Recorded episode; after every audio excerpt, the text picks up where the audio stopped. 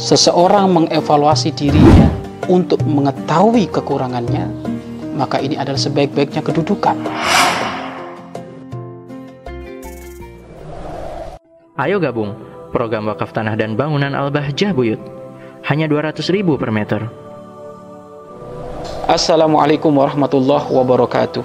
Alhamdulillah, alhamdulillahirabbil alamin.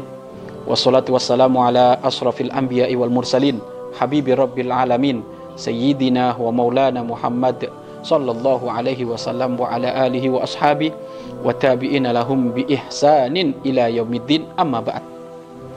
Sahabat-sahabat fillah yang dimuliakan oleh Allah Subhanahu wa taala, beruntungnya orang yang memuliakan tamu. Sungguh beruntung orang yang memuliakan tamu karena tamu datang membawa rahmat dan pulang membawa pengampunan.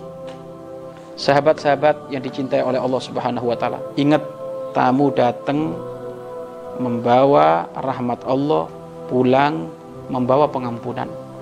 Rahmat dan pengampunan satu wilayah yang wajib dirindukan oleh hamba-hamba Allah. Rahmat, kasih sayang Allah, pengampunan, bukti dari kasih sayang Allah. Maka dengan orang menghormat tamu sebenarnya cukup bagi dia untuk masuk surga karena dia akan mendapatkan rahmat dan pengampunan Allah. Maka dengan adanya tamu bersegeralah menyambut, katakan ahlan wa sahlan. Dengan tatapan mukamu yang indah, dengan senyummu yang lebar dan berikan apa yang ada di rumahmu, apa yang ada di dapur, berikan kepada mereka.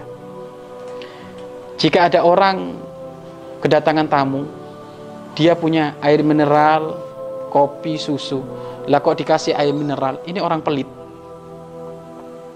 Ini orang pel pelit. Tapi kalau dikasih kopi, ya itu itu baru standar menerima tamu.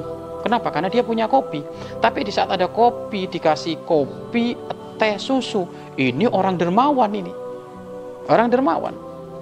Di saat engkau kedatangan tamu, tiba-tiba engkau akan memberi makan siang. Karena utamanya di dalam kita menyambut tamu, kalau lagi waktunya sarapan, ya tamu dikasih sarapan. Kalau lagi makan siang, waktunya makan siang, ya tamu dikasih makan siang. Kalau lagi makan malam, ya tamu dikasih makan malam. Nah, di saat engkau menyambut tamu, di saat engkau menyambut tamu waktunya makan siang, kamu ada menu di situ tempe, tahu, ada ayam, ada kambing. Lah kok kamu kasih tempe tahu ini pelit. Orang pelit ini. Tapi kalau kamu kasih ayam, kasih ayam, yaitu standarnya, SOP-nya itu, karena kamu punya lebih. Gitu. Tapi kalau ada ayam, ada ayam dikasih ayam kemudian dikasih daging dan juga dikasih tempe tahu ini orang dermawan ini. Dan ini nggak bakal nggak bakal dihilangkan oleh Allah akan tapi akan dikembalikan oleh Allah. Memberi itu tidak akan akan dihilangkan oleh Allah. Zat balias zat akan di, di, ditambah lagi oleh Allah. Akan ditambah lagi oleh Allah. Akan dilipat gandakan oleh Allah subhanahu wa ta'ala akan tapi ingat tidak boleh kita berlebihan di dalam menyambut tamu sampai hutang piutang iya kan tidak ada tidak adanya harta sampai utang piutang itu nggak benar. Tapi kalau ada jangan pelit. Ya, kalau ada jangan pelit. Tidak ada istilah berlebih-lebihan di dalam menyambut tamu. Keluarkan apa? Apa yang ada keluarkan. Apa yang ada. Nabi Ibrahim alaihissalam bagaimana? Beliau termasuk nabi yang kaya raya. Ternaknya begitu banyak. Apa yang dikata oleh beliau? Saya tidak makan kecuali dengan tamu. Wah ini hebat. Kalau sudah ada tamu nyembelih ini nyembelih itu. Memuliakan tamu tanda orang yang bakal beruntung dunia akhirat. Karena ini termasuk adalah tanda ketakwaan dia. Takwa itu apa? Membangun eh, takwa itu adalah berbuat baik kepada Allah dan juga berbuat baik dengan sesama manusia. Manusia. Maka menyambut tamu ini adalah penting. Maka sebisa mungkin di dalam kita membangun rumah pun kita siapkan hendaknya kamar untuk tamu. Biar bisa memuliakan tamu. Tempat khusus untuk tamu. Karena sebisa mungkin tempat tamu itu jangan campur dengan keluarga kita. Karena kalau keluarga privasi mungkin istri kita nggak pakai kerudung mungkin anak perempuan kita nggak pakai kerudung masa dicampurkan dengan tamu. Makanya rumah mudah-mudahan kita dikasih rezeki banyak oleh Allah sehingga kita bisa bikin rumah bisa memuliakan tamu secara khusus. Dan ini termasuk adalah kebiasaan dari orang-orang soleh kebiasaan dari para kekasih Allah subhanahu wa ta'ala maka tolong jangan telit pelit berkenaan dengan urusan tamu. Walaupun tamu nggak dikenal, Atau bahkan walaupun tamu yang mungkin akan berbuat jelek kepada kita, tetap mereka adalah orang yang bertamu dengan kita, harus kita hormat. Gak boleh kita asal-asalan. Andai kan kalau dia berbuat jelek, ya urusan dia. Yang penting kita jangan berbuat jelek. Urusan dia. Gitu Waspada boleh, waspada tapi nggak boleh jelek prasangka. Waspada dengan jelek prasangka itu beda. Kalau jelek prasangka itu dari awal sudah menuduh, wah ini tamu bakal nggak bener, sehingga nggak senyum, nggak nyambut, mungkin berkata kasar loh, ini nggak bener. Dan biasanya kadang masya Allah kita ini cuek ini, kayaknya kita ini imannya kurang. Kita, kita itu cuek kalau ada tamu bawa proposal, warna map warna kuning, warna coklat, warna hijau itu kadang kita cuek. Wah, minta sumbangan. Gak boleh kayak gitu. Dia tamu yang dikirim oleh Allah Subhanahu wa taala. Dan tolong, ketulusan hatimu di dalam menyambut tamu kamu gak perlu membedakan. Apakah dia bawa map? Apakah dia tukang minta-minta? Kalau sudah masuk ke rumahmu dihormat siapa pun. Apakah dia pejabat? Apakah dia tukang becak? Dihormat. Dan ngormatnya tidak ada beda. Sama kalau ada orang pakai mobil kok ngormatnya beda, berarti kamu gak ikhlas karena Allah. Kalau tukang beca akhirnya di, kalau ada tamu pakai mobil, masya Allah menu kuenya numpuk, dikasih sampai 10 macam. Tapi giliran tukang beca yang bertamu, masya Allah dikasih air putih terus, pelit itu.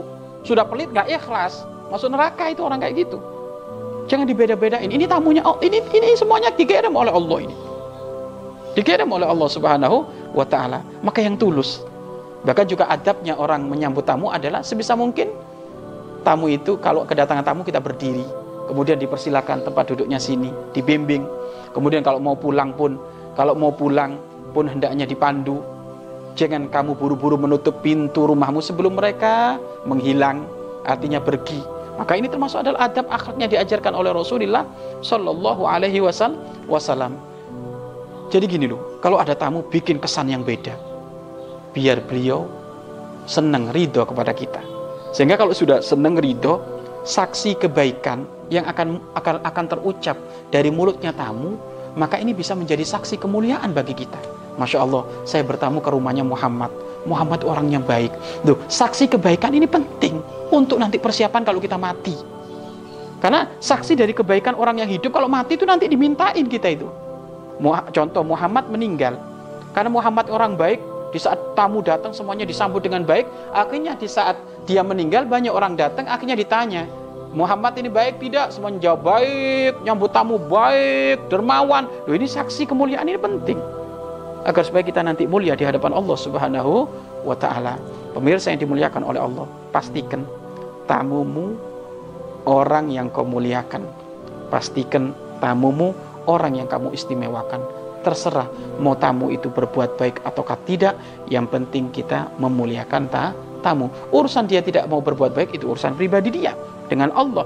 Tetapi kita hendaknya tetap kita menyambut tamu dengan maksimal mungkin dengan kedermawanan kita bukan dengan kepelitan kita. Wallahu a'lam bisawab mari berinfak untuk operasional lembaga pengembangan dakwah Bahjah Buyut